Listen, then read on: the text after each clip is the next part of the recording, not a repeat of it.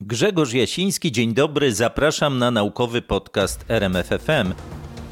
Dziś będziemy mówić o tym, co nas martwi i o tym, co może nas ucieszyć, o odczuwanych przez nas skutkach pandemii i o doniesieniach nie z tej ziemi, które przekonują, że człowiek jednak potrafi.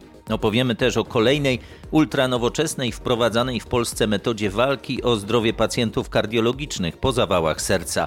Zapraszam. Na początek jednak wyniki badań naukowych, które mogą nieco wytłumaczyć poziom emocji dotyczący informacji na temat pandemii, sposobu reagowania na pandemię, wreszcie samego tego, co o niej mówimy. Krótko mówiąc, obserwacje na temat tego, skąd biorą się tak skrajne postawy wobec COVID-19, postawy, które widać na ulicach, w mediach i przede wszystkim w internecie, skąd bierze się czasem wprost agresja. Osobiście wyznawane wartości i poglądy polityczne kierują naszą oceną ryzyka COVID-19 w większym stopniu niż aktualny przebieg pandemii, w tym informacje o najnowszej liczbie zakażonych koronawirusem. Takie wnioski na podstawie badań prowadzonych wśród 6 tysięcy osób w Wielkiej Brytanii prezentują naukowcy z Uniwersytetu Cambridge. Okazuje się, że osoby, które uważają, że rząd nie powinien mieszać się do ich życia, oceniają ryzyko COVID-19 jako mniejsze i są mniej skłonne do podejmowania działań profilaktycznych, w tym noszenia maseczek. Naukowcy z Cambridge prowadzili badania przez 10 miesięcy pandemii. Zauważyli, że indywidualna ocena ryzyka zmieniała się w zależności od tego, czy pandemia słabła, czy przybierała na sile. Tu nie ma nic nadzwyczajnego. Niezmiennie potwierdzało się jednak, że przekonanie o zagrożeniu i związana z tym skłonność do poddawania się ograniczeniom i podejmowania działań profilaktycznych była w jeszcze większym stopniu zależna od przekonań politycznych. Wśród osób oceniających, że ryzyko jest mniejsze, były osoby o prawicowych czy konserwatywnych poglądach, w tym ci, którzy uznawali, że rząd powinien mniej ingerować w ich życie.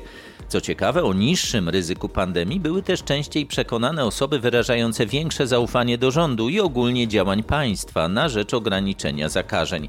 O tym, że ryzyko zakażenia jest większe, były przekonane osoby wskazujące na potrzebę podejmowania działań na rzecz innych czy ogólnie społeczeństwa, osoby silniej przekonane, że działania indywidualne mogą mieć istotne znaczenie dla hamowania fali zakażeń, osoby wykazujące wyższy poziom zaufania do naukowców i przedstawicieli opieki zdrowotnej. Ogólnie większe przekonanie o towarzyszącym pandemii wysokim ryzyku wykazywały kobiety i osoby, które same miały doświadczenia z przypadkami zakażeń. Autorzy pracy przyznają, że trzy czynniki miały tu najważniejsze znaczenie: to opinia na temat zakresu ingerencji państwa w życie indywidualne obywateli, przekonanie o skuteczności indywidualnych działań na rzecz zatrzymania fali zakażeń i skłonność do działania na rzecz dobra publicznego. Na czwartym miejscu umieszczono poziom zaufania do nauki, na piątym płeć. Zdaniem autorów wyniki tych badań powinny pomóc instytucjom państwowym w lepszej komunikacji ze społeczeństwem. Choć osoby zaangażowane w promocję informacji na temat COVID-19 mogą starać się zwiększyć świadomość ryzyka, by w ten sposób nakłonić obywateli do działań ochronnych, uważamy, że straszenie społeczeństwa nie jest najlepszym rozwiązaniem. Nasze wyniki wskazują na inne kluczowe czynniki, które decydują o reakcjach społecznych. Przy tworzeniu strategii komunikacyjnych warto brać je pod uwagę, przekonują naukowcy z Cambridge. Trudno się z tym nie zgodzić, choć poziom emocji został rozhuśtany już tak bardzo, że trudno na jakiś konsensus liczyć, niestety. Szczepić, nie szczepić, jednak szczepić. Byliśmy w ostatnich dniach świadkami kolejnej debaty na temat szczepionki przeciwko koronawirusowi konkretnie preparatu firmy AstraZeneca. Szokuje mnie paniczna reakcja w odpowiedzi na niepotwierdzone doniesienia na temat efektów ubocznych tej szczepionki, powiedział mi profesor Krzysztof Pelć, wirusolog z Małopolskiego Centrum Biotechnologii Uniwersytetu Jagiellońskiego. Mamy dużo leków, które powodują takie powikłania, o tym wiemy, one są dopuszczone do użytku. Ja śmiałbym założyć, że nawet jakby się udało znaleźć takie powiązanie, bo na co nic nie wskazuje, to śmiałbym powiedzieć, że możliwe, że dalej nie przekreśli to możliwości stosowania tej szczepionki, ponieważ to jest szczepionka ratująca życie i stosunek właśnie korzyści wynikających ze szczepienia do potencjalnego, mówię hipotetycznego ryzyka e, dalej pozostanie bardzo, bardzo korzystny. Także ja jestem za tym, żeby, powiem szczerze, szczepić. Mam nadzieję, że trzecia fala pandemii koronawirusa będzie ostatnia, mówi profesor Pyrć. By tak się jednak stało, muszą zostać spełnione pewne warunki. Między innymi musimy się zaszczepić. Ja się boję trochę sytuacji takiej, że przyjdzie maj, przyjdzie lipiec, będą ciepłe miesiące, e, znowu zapomnimy o tym, że to zagrożenie istnieje i cały czas jest realne i po prostu przestaniemy chcieć się szczepić. Gdzie możemy wszyscy mieli świadomość tego, że jeżeli tak zrobimy, to będzie kolejna fala na jesieni, bo wirus sam z siebie się nie zatrzyma. Cała rozmowa innymi na temat nowej strony sarswpolsce.pl, gdzie specjaliści i laicy mogą znaleźć informacje na temat zasięgu wariantów koronawirusa w naszym kraju, jest na rmf24.pl. Naukowcy z Uniwersytetu Stanforda zauważają, że po roku pracy i nauki w warunkach pandemii, często tylko w formacie zdalnym, jesteśmy coraz bardziej zmęczeni wideokonferencjami. Nazywają ten syndrom Zoom fatigue, choć tak samo obowiązuje to w przypadku Zooma, jak i innych narzędzi do wideokonferencji. Na świecie codziennie odbywają się setki milionów wirtualnych spotkań. Współpracownicy, kontrahenci, uczniowie, nauczyciele, studenci i wykładowcy widzą się znacznie częściej na ekranie niż osobiście. Grupa pod kierunkiem profesora Jeremiego Bailensona przeanalizowała skutki takiej zmiany formy naszych kontaktów. Naukowcy wyróżnili cztery kluczowe konsekwencje spotkań przed ekranem komputera, które ich zdaniem składają się na ten efekt przemęczenia zoomem. Po pierwsze, męczy nas ciągłe wpatrywanie się sobie w oczy z tej samej odległości. To nienaturalne. Podczas normalnych spotkań ich uczestnicy siedzą w różnej odległości od nas, nie wpatrujemy się w nich bez przerwy, patrzymy w notatki, za okno. Poza tym na normalnym spotkaniu, jeśli akurat nie zabieramy głosu, jesteśmy poza centrum zainteresowania. W czasie wideokonferencji przez cały czas, nawet jak nic nie mówimy, mamy wrażenie, że wszyscy na nas patrzą. To męczące i stresujące. Jeśli to możliwe, warto zmniejszyć rozmiary okien i trochę się jakby od siebie oddalić. Po drugie, w czasie wideokonferencji cały czas widzimy sami siebie, każdy gest, każdą minę. Samo w sobie to nienaturalne, jesteśmy cały czas jakbyśmy siedzieli przed lustrem. I przed lustrem rozmawiali, dyskutowali, spierali się i podejmowali decyzje. Badania naukowe pokazują, że patrząc w lustro jesteśmy wobec siebie bardziej krytyczni, bardziej zestresowani. Prawdopodobnie powinniśmy częściej korzystać z instrukcji umożliwiającej usunięcie z ekranu własnego obrazu, jeśli tylko ustalimy na początku, że siedzimy tak jak trzeba, a w polu widzenia kamery jest tylko to, co powinno być. Mamy też problem z przywiązaniem do krzesła i ekranu. Wideokonferencje istotnie zmniejszają naszą mobilność, godzinami przesiadujemy przed ekranem. No ile przy normalnej pracy, czy choćby podczas rozmów telefonicznych możemy wstać, przejść się po pokoju, nawet przechadzać się korytarzem, wideokonferencje przywiązują nas do biurka i krzesła. To nie tylko niewygodne, niekorzystne dla naszych kręgosłupów, ale też obciążające dla naszego mózgu. Nie od dziś wiadomo, że ruch sprzyja naszej kreatywności. Powinniśmy się umawiać, że możemy wstawać i swobodnie się przechadzać. To oczywiście wymaga włożenia spodni. Po czwarte wreszcie, wideokonferencje generalnie są bardziej obciążające mentalnie. Niby patrzymy sobie w oczy, ale brak tych wszystkich dodatkowych elementów, choćby gestów, sprawia, że musimy się bardziej starać, by rozpoznawać nasze emocje, intencje. Choć cały czas czujemy się obserwowani i obserwujemy innych, to sposób tej obserwacji utrudnia nam te naturalne, pozawerbalne sposoby porozumiewania, więc cały czas czujemy się postawieni pod większą presją. Z tego też musimy sobie zdawać sprawę. Pandemiczne ograniczenia mają szczególnie negatywny wpływ na stan psychiczny nastolatków, potwierdzają naukowcy. Wyniki badań prowadzonych wśród blisko tysiąca rodziców pokazały, że stany lękowe, objawy depresji czy problemy ze snem pojawiają się nieco częściej u dziewcząt niż u chłopców. Najczęściej obserwowane w warunkach lockdownu i nauki zdalnej objawy lęku i niepokoju przejawia ponad 1 trzecia nastolatek i blisko 1 piąta nastolatków. Pandemia przewróciła młodym ludziom świat do góry nogami.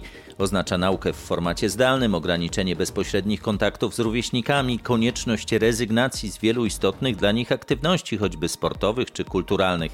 W wieku, w którym bezpośrednie kontakty społeczne przynoszą często istotne emocjonalne wsparcie, w którym młodzi ludzie często szukają już pewnej niezależności od swoich rodzin, zamknięcie ich w domach musiało mieć i niestety miało negatywne skutki dla ich psychiki.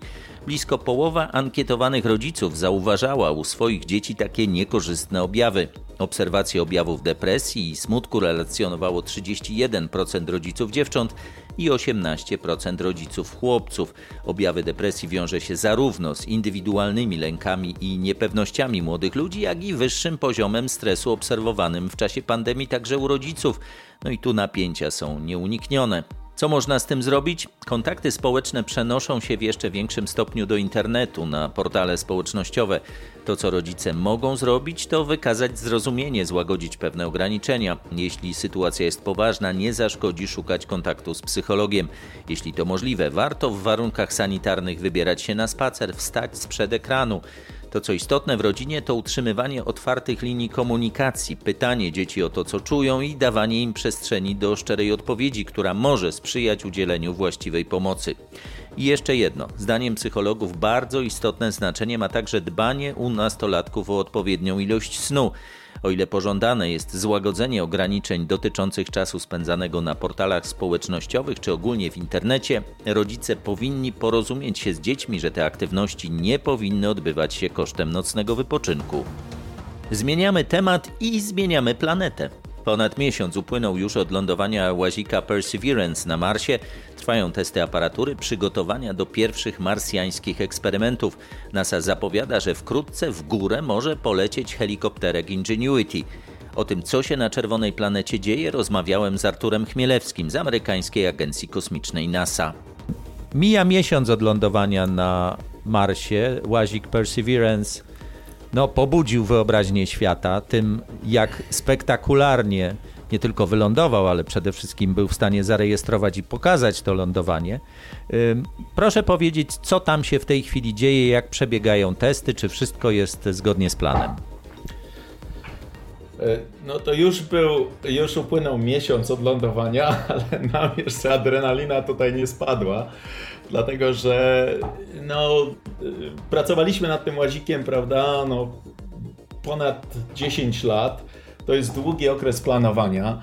Najpierw e, oczywiście rozmawia się o tym. E, e, naukowcy mają różne pomysły, gdzie on e, musiałby wylądować, co mógłby, e, co mógłby badać, prawda?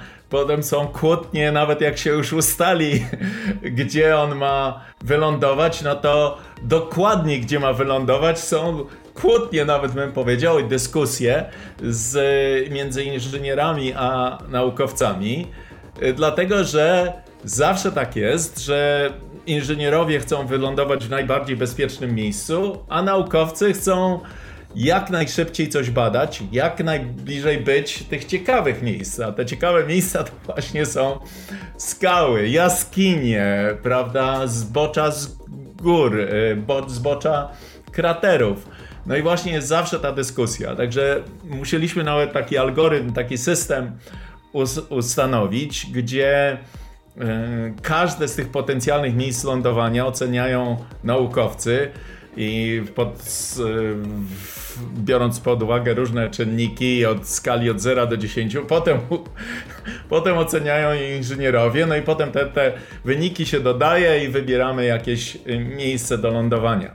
E, nie jest to łatwo y, wybrać takie miejsce, dlatego że do tej pory nie byliśmy w stanie wylądować no idealnie w tym miejscu, gdzie chcemy. Nawet to są, jest kwestia kilometrów. No trzeba, to kilometr to i tak jest bardzo mało, biorąc pod uwagę, że prawda, ten łazik leci 470 milionów kilometrów przestrzeni tak kosmicznej. Nie jest zła dokładność.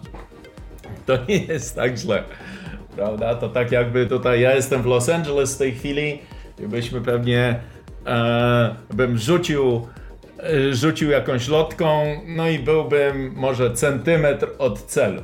No to nie jest tak źle w no Warszawie. Jakbym rzucił ją i tablica była w Warszawie, a ona, ja bym no nie wcelował w dziesiątkę, ale w dziewiątkę powiedzmy. To by było, to by było nieźle. No, tym razem okazało się, że ryzyko podejmowane zostało podjęte w odpowiedni sposób, no bo wylądował bezpiecznie. To najważniejsze. To chyba pierwsza kluczowa informacja, która y, otwarła przed Państwem zupełnie teraz nowe możliwości.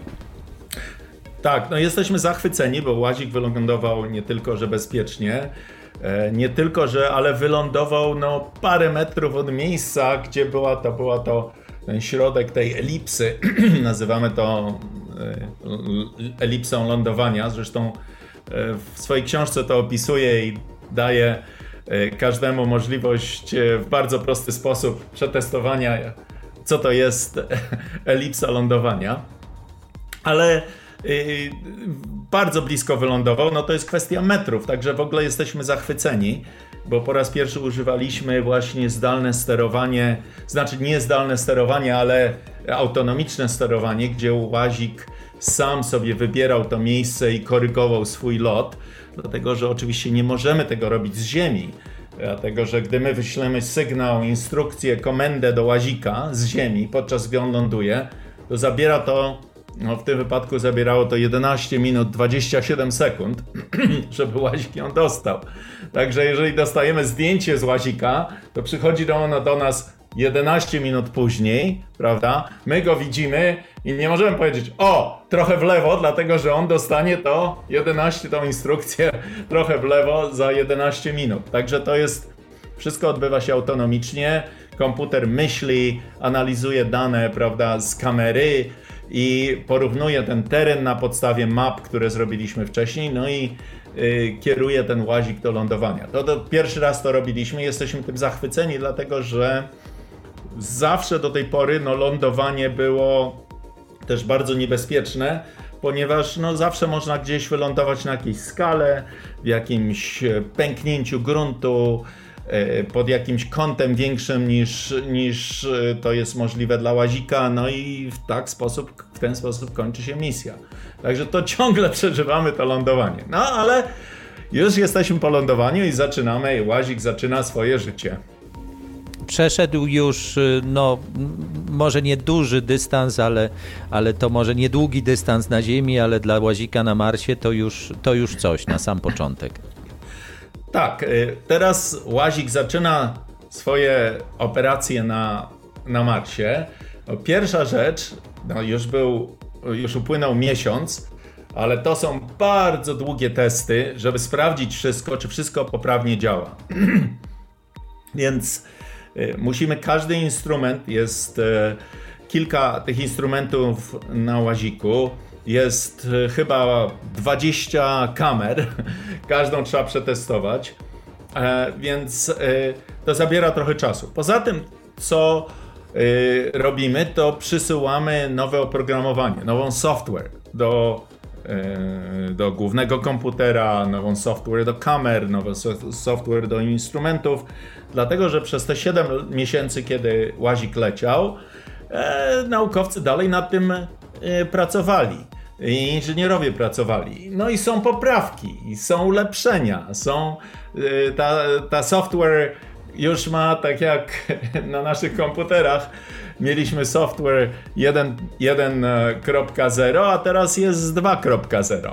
E, zrobiliśmy pewne poprawki, które spowodują, że ta kamera czy, czy, czy koła będą lepiej działały. I to trzeba było załadować do wszystkiego i przetestować, dlatego że gdy nową wersję zawsze wysyłamy, to tak jak w oprogramowaniu w operating system na naszych komputerach, czasami, czasami może być jakiś błąd, prawda?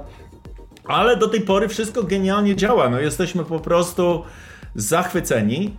E, każdy instrument działa, łazik zaczął jeździć, no, czyli zaczął łazić, więc e, e, przejechał już no, ponad 100 metrów. E, i w każdym momencie oczywiście jest zapartym tchem, czekamy na następny krok, bo na przykład jednym z bardzo ważnych y, zadań łazika to jest pobranie próbek z Marsa. Te próbki przez następną misję, którą robimy, NASA robi wspólnie z Europejczykami, czyli Europejską Agencją Kosmiczną, będziemy przywozić te próbki na Ziemię. Więc e, jeden z ważnych, z, jednym z ważnych zadań to jest właśnie pobranie tych próbek, a żeby pobrać te próbki, no jak się pobierze te próbki poprzez specjalny świder, nad którym zresztą pracuje Polak z pochodzenia, Mieszko,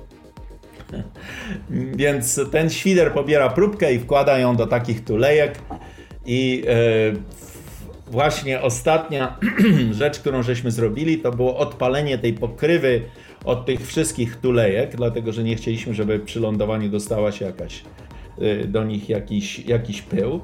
Ta, ta osłona tego się odpaliła, a wystarczy, że jedna śruba się nie odpali.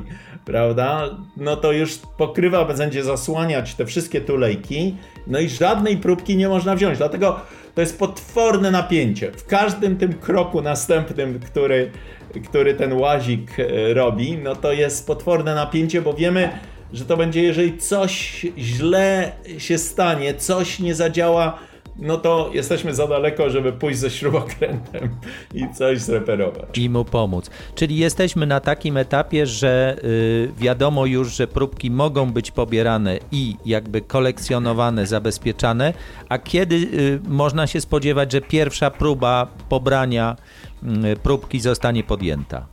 No więc jeszcze to troszeczkę musimy na to poczekać, dlatego że ten świder jest na ramieniu to ramię musi być przetestowane dobrze. W tej chwili je testowaliśmy, y, używaliśmy kamery na tym ramieniu, ale jeszcze świder nie został przetestowany. Ten świder jest bardzo ciekawy, dlatego że on wbija się w powierzchnię, prawda?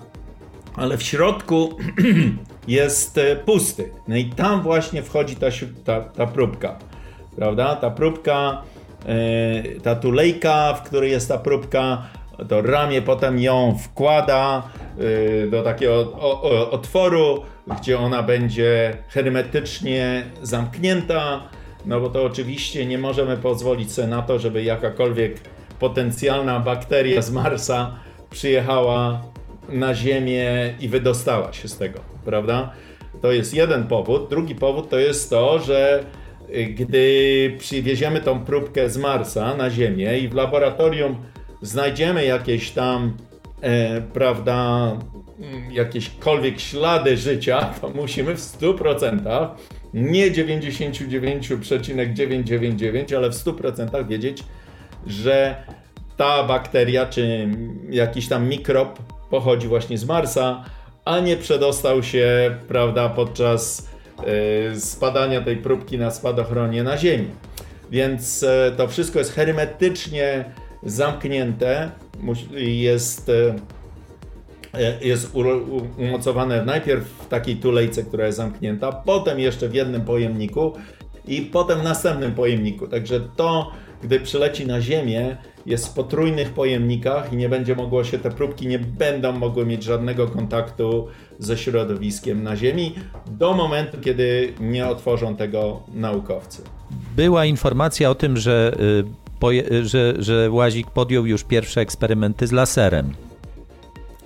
Tak, y, więc to jest y, y, urządzenie, które nazywamy SuperCam, które zostało opracowane przez Los Alamos Laboratory z pomocą Francuzów, francuskiej agencji kosmicznej CNES. I um, polega to na tym, że laser strzela prawda, w jakąś skałę i um, na podstawie tak zwanej Raman Spectrometry, bardzo przepraszam, nie wiem jak się to mówi no, w po polsku. mówi się po prostu spektroskopia ramanowska. Ale... Nauczyłem się czegoś dzięki temu programowi, nowych słów po polsku, więc ta spektroskopia ramanowska jest używana do tego i w ten sposób ten, e, ten laser pobudza łączenia między molekułami i które wydają, wydają prawda, pewne spektrum światła. Obserwujemy to spektrum światła i wiemy wtedy mniej więcej, jakie to są minerały, jakie to są e, molekuły, z którymi mamy do czynienia w tym kamieniu. I to można robić na odległość, i to właśnie jest e, wspaniałe, bo czasami chcemy zobaczyć kamień, do którego nie możemy się dostać, prawda? E, Perseverance wylądowało w bardzo ciekawym miejscu, które kiedyś było pod wodą. To, było, to jest krater, który był wypełniony wodą, a on jest jeszcze do tego blisko miejsca, do którego wpadała rzeka.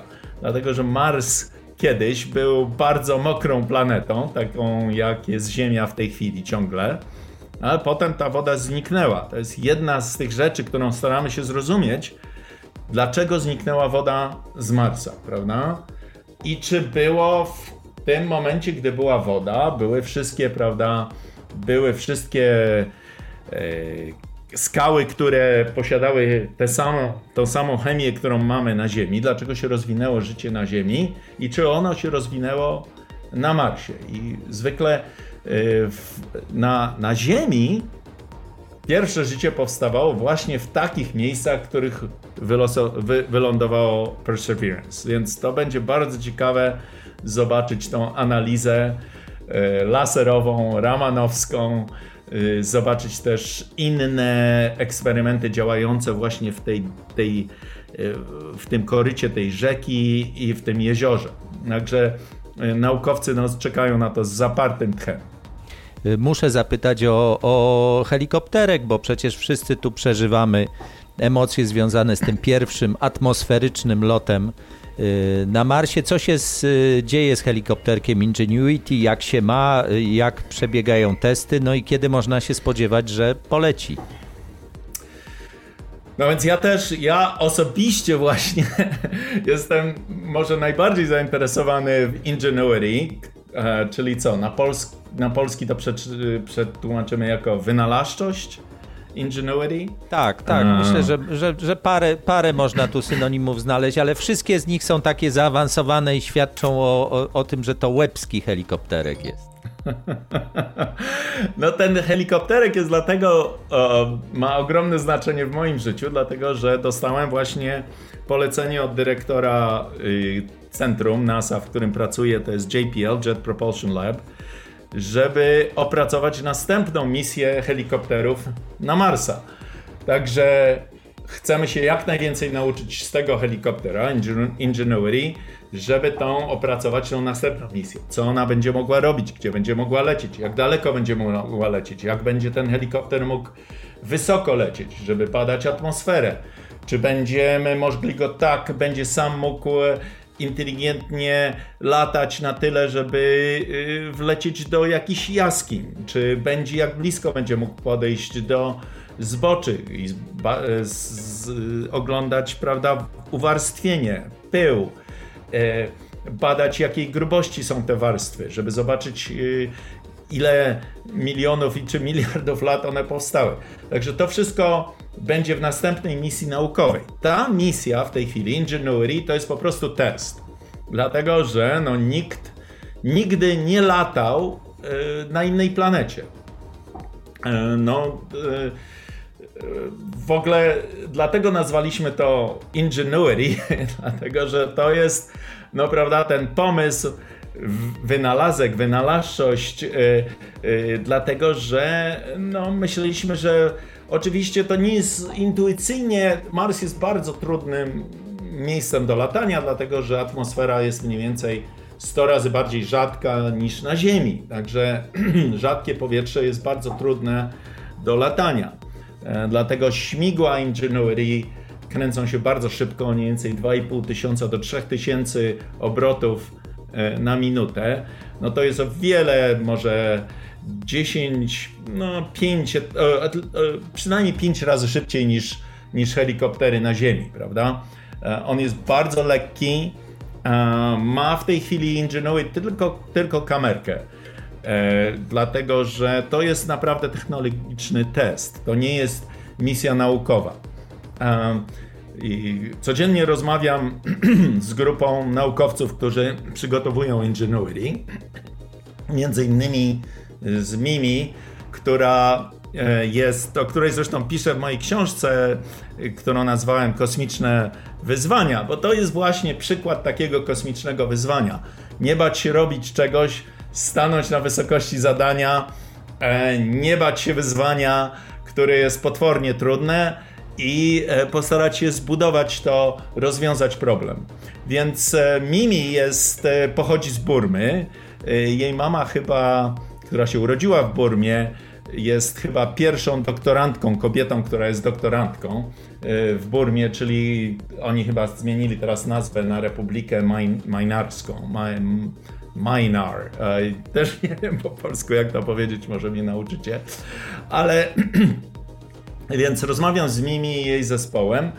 E, co będzie dalej? A co będzie dalej? No to po pierwsze, znowu helikopterek musi wyjść ze swojego opakowania, ze swojego pudełka. Jak będziecie oglądać zdjęcia Perseverance, nawet z lądowania Perseverance, to pod, je, e, pod Perseverance brzuszkiem jest coś takiego, co wygląda jak futerał na skrzypcze, skrzypce czy wiolonczele. Czarne takie półokrągławe pudło. Naprawdę to wygląda jak, jak futerał na jakiś instrument muzyczny. I tam właśnie jest schowany ten helikopterek. Więc co Perseverance w tej chwili robi, to szuka miejsca, gdzie możemy spuścić spod brzucha tego, ten helikopter. To jest tak jakby kangur miał e, swoje malutkie dzieciątko, prawda, w swoim w, torbie, tak. okay, w torbie, pouch, właśnie szukają słowa polskiego. E, I chcę, żeby ten mały kangurek wyskoczył na miejsce, gdzie on się nie zabije, prawda? Żeby to było miękkie, y, płaskie miejsce. No i my to właśnie to w tej chwili robimy, że szukamy takiego miejsca, gdzie helikopterek może być opuszczony. To musi być super płaskie miejsce, 10 na 10 metrów. Tam e, musimy oczywiście najpierw odpalić tą pokrywę. Znowu jest napięcie, czy każda śruba się odpali. Odpalimy pokrywę, podjedziemy dalej na to miejsce, które jest super płaskie. Tam musimy obrócić helikopterek pod spodem, bo on jest w takiej pozycji, żeby był jak najbardziej płaski. Muszą też być, e, ustawić się odpowiednio nogi, ma cztery nogi, prawda? Te nogi muszą się ustawić, żeby on spadł na nogi. No i wtedy Perseverance odjedzie, zostawi ten helikopterek na tym płaskim miejscu, no i zaczniemy pierwsze testy. To już się zbliża szybko, wszyscy już e, w JPL nad tym pracują. Powiedział mi Artur Chmielewski, jeden z Polaków pracujących w Jet Propulsion Laboratory w Kalifornii. Przypominam, to syn rysownika Henryka Chmielewskiego, czyli papcia Chmiela, autora serii komiksów Tytus, Romek i Atomek. Sam ostatnio wydał książkę dla młodzieży Kosmiczne Wyzwania, która zachęca do tego, by sięgać do gwiazd. Schodzimy na Ziemię, ale nie przestajemy mówić o sukcesach także polskich naukowców. Cyberknife, nóż cybernetyczny, urządzenie do naświetlań najczęściej stosowane do niszczenia guzów nowotworowych, może pomóc także pacjentom kardiologicznym.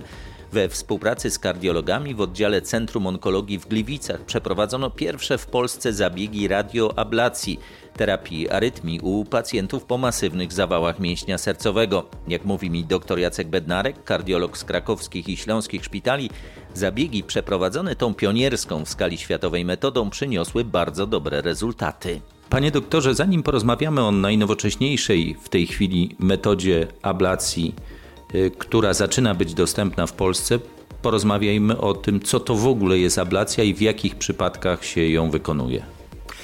Ablacja jest metodą leczenia arytmii polegającą na wprowadzeniu do serca specjalnego typu elektrod i wykonaniu tzw. Tak aplikacji albo aplikacji pod postacią wysokiej temperatury lub aplikacji pod postacią niskiej temperatury, czyli innymi słowy zamrożenia tkanki. Obydwie te metody u swojego założenia mają wytworzenie Y, blizny w miejscu, gdzie znajduje się. Tak substrat arytmogenny. Blizny, czyli mikromartwicy. Niszczymy oczywiście nie żywą tkankę mięśnia sercowego, która nie jest odpowiedzialna za arytmię, ale niszczymy tylko i wyłącznie tą część mięśnia sercowego, która została przez pewne schorzenia kardiologiczne zmieniona pod postacią substratu arytmogennego, z którego to wywodzi się arytmia. Jeśli chodzi o ablację cieplną, to ablację cieplną wykonujemy tak zwanymi promieniami y, o częstotliwości radiowej około 20 tysięcy Hz i na styku między elektrodą a tkanką żywą, czyli mięśniem serca, wytwarza się temperatura od około mniej więcej 30 stopni do 60-70 stopni i to wystarczy na wytworzenie się mikromartwicy. Jeśli chodzi natomiast o ablację zimną, ablację mrożeniową, to w zależności od zastosowanej taktyki, czy to jest ablacja punktowa, czy kriobalonowa, ta temperatura wynosi od minus 35 do minus 70 stopni. Mam tu oczywiście na myśli temperaturę efektywną w jaki sposób oba te zabiegi się prowadzi, bo to są zabiegi inwazyjne. Obydwie te formy zabiegów są zabiegami inwazyjnymi. A żeby je wykonać, należy wprowadzić do serca poprzez nakłucie albo żył, albo tętnic specjalne cewniki. Cewniki pod postacią elektrod do przypalania lub cewniki do mrożenia. Niestety są to zabiegi inwazyjne. Niestety podczas niektórych z tych zabiegów należy podawać leki przeciwzakrzepowe, ponieważ istnieje pewne ryzyko wytworzenia mikrozakrzepu podczas aplikacji na mięśniu sercowym. Jak taki zabieg wygląda? Ile osób w nim uczestniczy? Jak y, duży zespół jest y, potrzebny? Jak duże przygotowanie pacjenta? Według standardów europejskich, w tym i polskich, mamy zespół składający się z co najmniej trzech osób: lekarza, elektrofizjologa, technika oraz pielęgniarki. Byłoby wskazane, aby dwie pielęgniarki obsługiwały taką salę operacyjną, czyli trzy lub cztery osoby. Zabiegi trwają od około pół godziny do nawet kilku godzin, w zależności od tego, czy dodatkowo wykonujemy. Tak mapping 3D trójwymiarowy, elektroanatomiczny, czy wykonujemy prostą ablację polegającą na bardzo prostej pojedynczej aplikacji. W jaki sposób diagnozuje się pacjenta, określa się miejsce, które trzeba no, zniszczyć tak naprawdę? Aby zlokalizować substrat arytmogenny, wykonuje się dwojakiego rodzaju czynności instrumentalne. Po pierwsze, wykonuje się tak zwane badanie elektrofizjologiczne. Badanie elektrofizjologiczne polega na tym, że wykonujemy stymulację oraz rejestrację potencjałów wewnątrzsercowych i nie wchodząc w szczegóły, znajdujemy miejsce, gdzie impuls tworzy się w naj, najwcześniejszym czasie, czyli miejsce, gdzie generowany jest gdzie generowana jest arytmia. Jeśli chodzi natomiast o większe struktury arytmogenne, to musimy do tego celu użyć tak zwanego systemu do mappingu trójwymiarowego. Dzięki temu mappingowi w sposób bardzo precyzyjny określamy albo punkt, skąd wywodzi się arytmia, albo też pewien obszar Mam tu na myśli obszar pozapalny lub pozawałowy, skąd arytmia najczęściej się generuje na obrzeżu takiej blizny oraz czasem w jej wnętrzu. Panie doktorze, jaka jest skuteczność tego typu zabiegów? Ilu chorych, jaki procent chorych całkowicie wraca do zdrowia? W jakim procencie trzeba te zabiegi powtarzać? W zależności od tego, jaką arytmię ablujemy, skuteczność wynosi między 90 a 100%. Tu mam na myśli często skurcze proste, nadkomorowe, przedsionkowo-komorowe, węzłowe, typowe trzepotania przedsionków. Ciut mniejszą skutecznością wykazują się ablacje ognisk ektopowych, czyli mikroskopijnej wielkości ognisk w komorze lub w przeciągu, z których wywodzi się arytmia.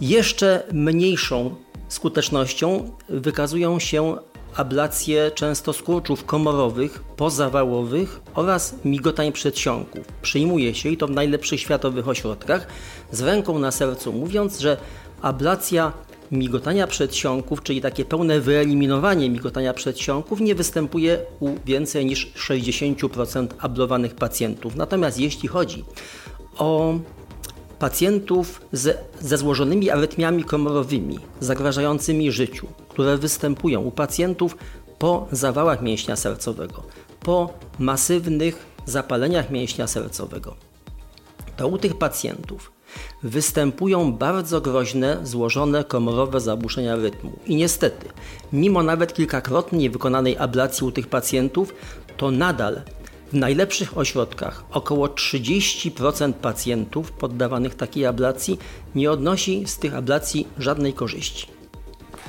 To teraz, panie doktorze, przechodzimy do nowej metody, metody, która przywędrowała do nas ze Stanów Zjednoczonych i już y, kilkakrotnie w Polsce została zastosowana, metody radioablacji, która nieco różni się w tej części, która ma naprawić uszkodzenie ale nie różni się w części, która ma to uszkodzenie zdiagnozować. Czyli y, ta część zabiegu, która jest poświęcona y, znalezieniu miejsca problemu, jest w gruncie rzeczy podobna. Elementem końcowym tzw. Tak radioablacji jest naświetlanie substratu arytmogennego serca, ale ten substrat arytmogenny musimy najpierw bardzo precyzyjnie określić. Określić jego położenie w sercu. W związku z tym, tą pierwszą częścią całej procedury jest inwazyjne badanie elektrofizjologiczne z wykonaniem mappingu elektroanatomicznego systemem 3D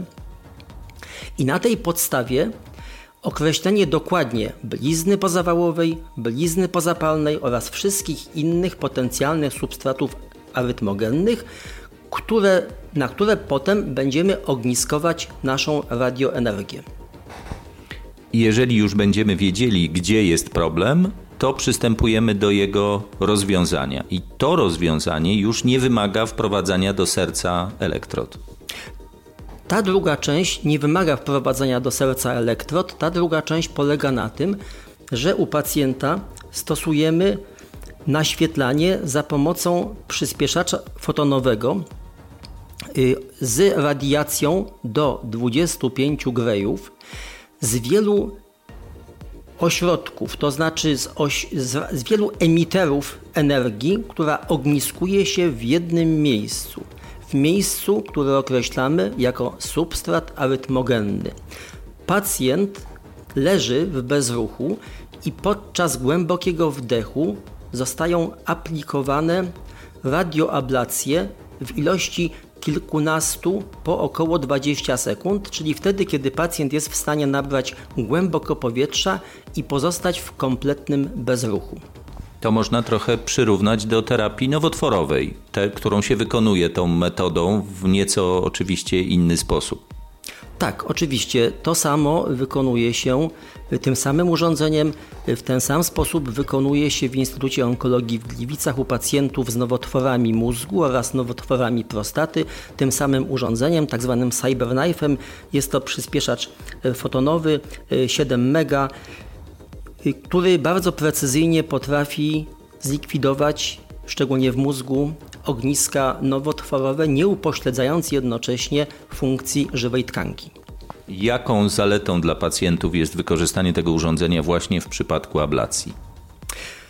W przeciwieństwie do większości form tradycyjnej ablacji, jesteśmy tutaj w stanie wykonać tak zwaną ablację transmuralną, czyli ablację która obejmuje całą ścianę mięśnia sercowego, począwszy od jej warstw wewnętrznych, czyli wsierdzia, do epikardium, czyli do warstw zewnętrznych.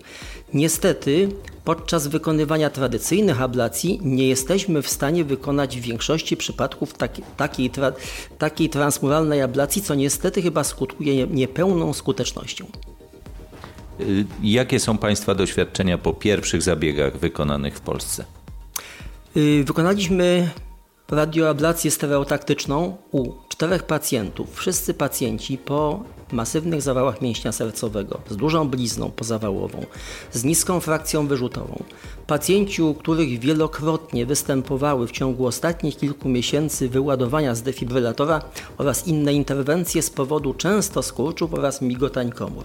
Oczywiście mamy tutaj ściśle określone kryteria włączenia to muszą być pacjenci, którzy z defibrylatorem, u których zostały wykonane ablacje. Te ablacje okazały się być nieskuteczne, tradycyjne ablacje mam na myśli. Yy, pacjenci, u których występuje, występują co najmniej trzy tak zwane burze elektryczne w ciągu miesiąca, przez trzy miesiące yy, kolejne. I ci pacjenci yy, w ilości czterech zostali zakwalifikowani i zablowani. Mamy dwumiesięczną obserwację tych pacjentów i Ku naszemu zaskoczeniu u tych wszystkich pacjentów, u których do czasu ablacji występowały nieustanne, często skurcze komorowe i migotania komór, od ablacji ci pacjenci nie mieli ani jednej defibrylacji, ani jednej kardiowersji. U jednego tylko pacjenta dotychczas występu, występujące często skurcze i migotania, które były y, za pomocą defibrylacji, już przestały być tak agresywne i stały się łagodnymi często skurczami komorowymi, które są umiarkowane stymulacją antyarytmiczną. U pozostałych trzech pacjentów żadne zaburzenia rytmu od czasu ablacji nie występują. Jest to dla nas pewne pozytywne zaskoczenie. ponieważ nie spodziewaliśmy się, że efekt ablacji nastąpi natychmiast, natychmiast po ablacji. E, wiemy, że po tradycyjnych ablacjach na takie efekty trzeba czekać około 2 do 3 miesięcy. Tutaj te efekty ku naszemu zaskoczeniu wystąpiły natychmiast. No mamy nadzieję, że u następnych pacjentów też takie spektakularne efekty będą doświadczane.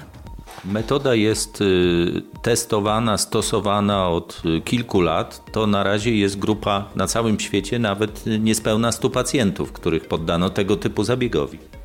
Tak, na całym świecie do tej pory od 2012 roku, kiedy pierwszą radioablację ablację stereotaktyczną wykonano w Uniwersytecie Stanford w Stanach Zjednoczonych, od tego czasu w kilku, już w tym momencie w kilkunastu ośrodkach wykonano 70 kilka radioablacji stereotaktycznych.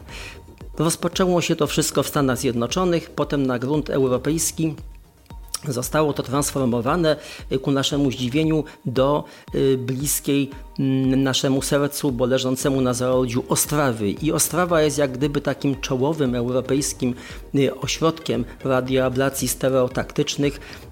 Na drugim miejscu możemy umiejscowić Lozannę w Szwajcarii, czyli Stany Zjednoczone, Szwajcaria, Czechy, no i w tej chwili inne kraje również i my dołączamy.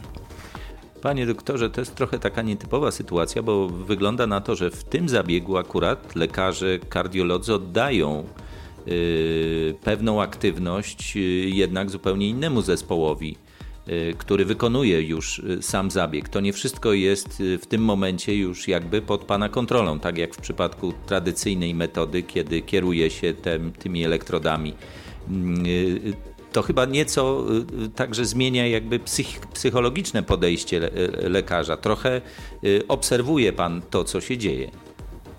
Tak. Y, tu mamy dwa zespoły działające wspólnie, to, zna, to znaczy zespół kardiologów, kardiologów ze Śląskiego Ośrodka Kardiologicznego w Katowicach-Ochojcu. Mam tu na myśli klinikę elektrokardiologii i trzecią klinikę kardiologii. Z tych ośrodków wywodzi się sześciu badaczy, Y, oraz taka sama grupa badaczy z Narodowego Instytutu, On Instytutu Onkologii imienia Marii Curie-Skłodowskiej y, z Zakładu Radioterapii w Gliwicach. Y, zespoły te, pierwszy zespół pod kierownictwem pana profesora Wojakowskiego i pana profesora Gołby, drugi zespół pod kierownictwem pana profesora Blamka.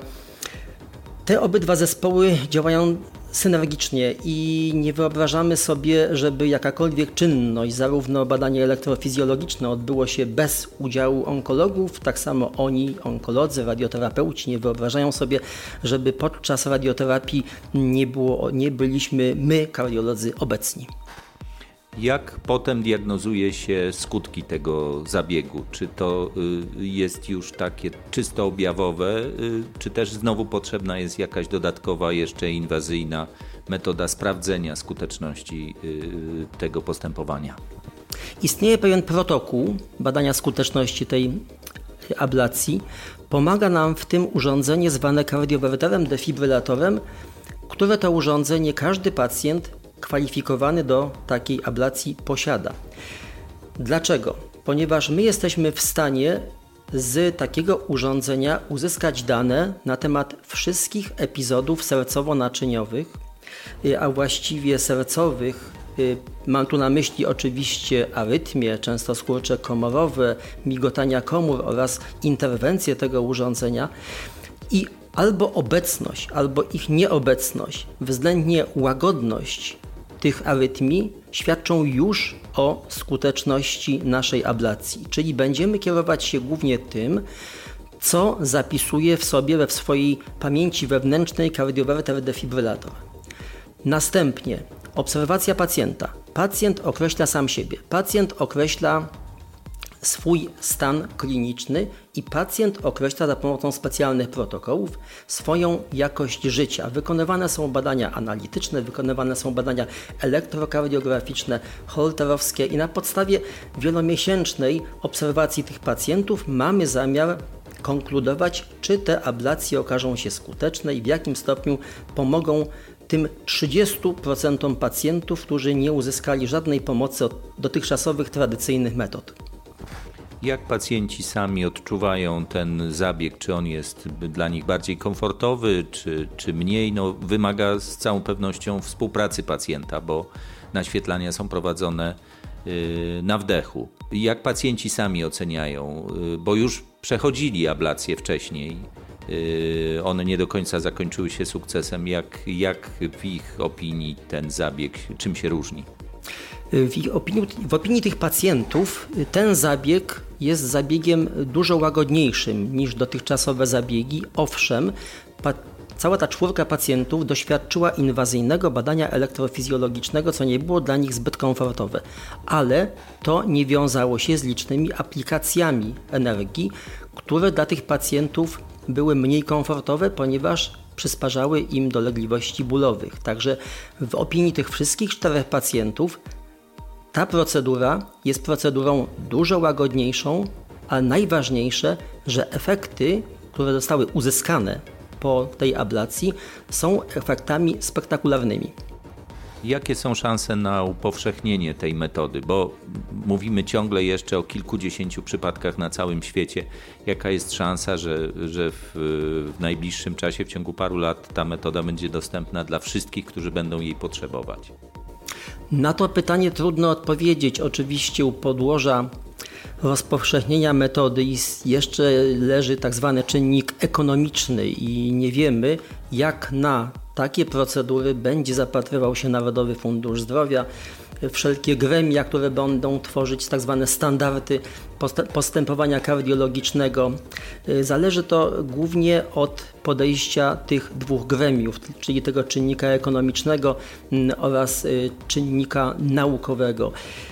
Jeśli chodzi o nasze spostrzeżenia, to te spostrzeżenia pozwalają żywić nadzieję, że i śmiertelność pacjentów po zawałach mięśnia sercowego, dzięki temu, że zmniejszy się ilość groźnych dla życia y, arytmii i jakość życia ulegnie znacznej, znacznej poprawie.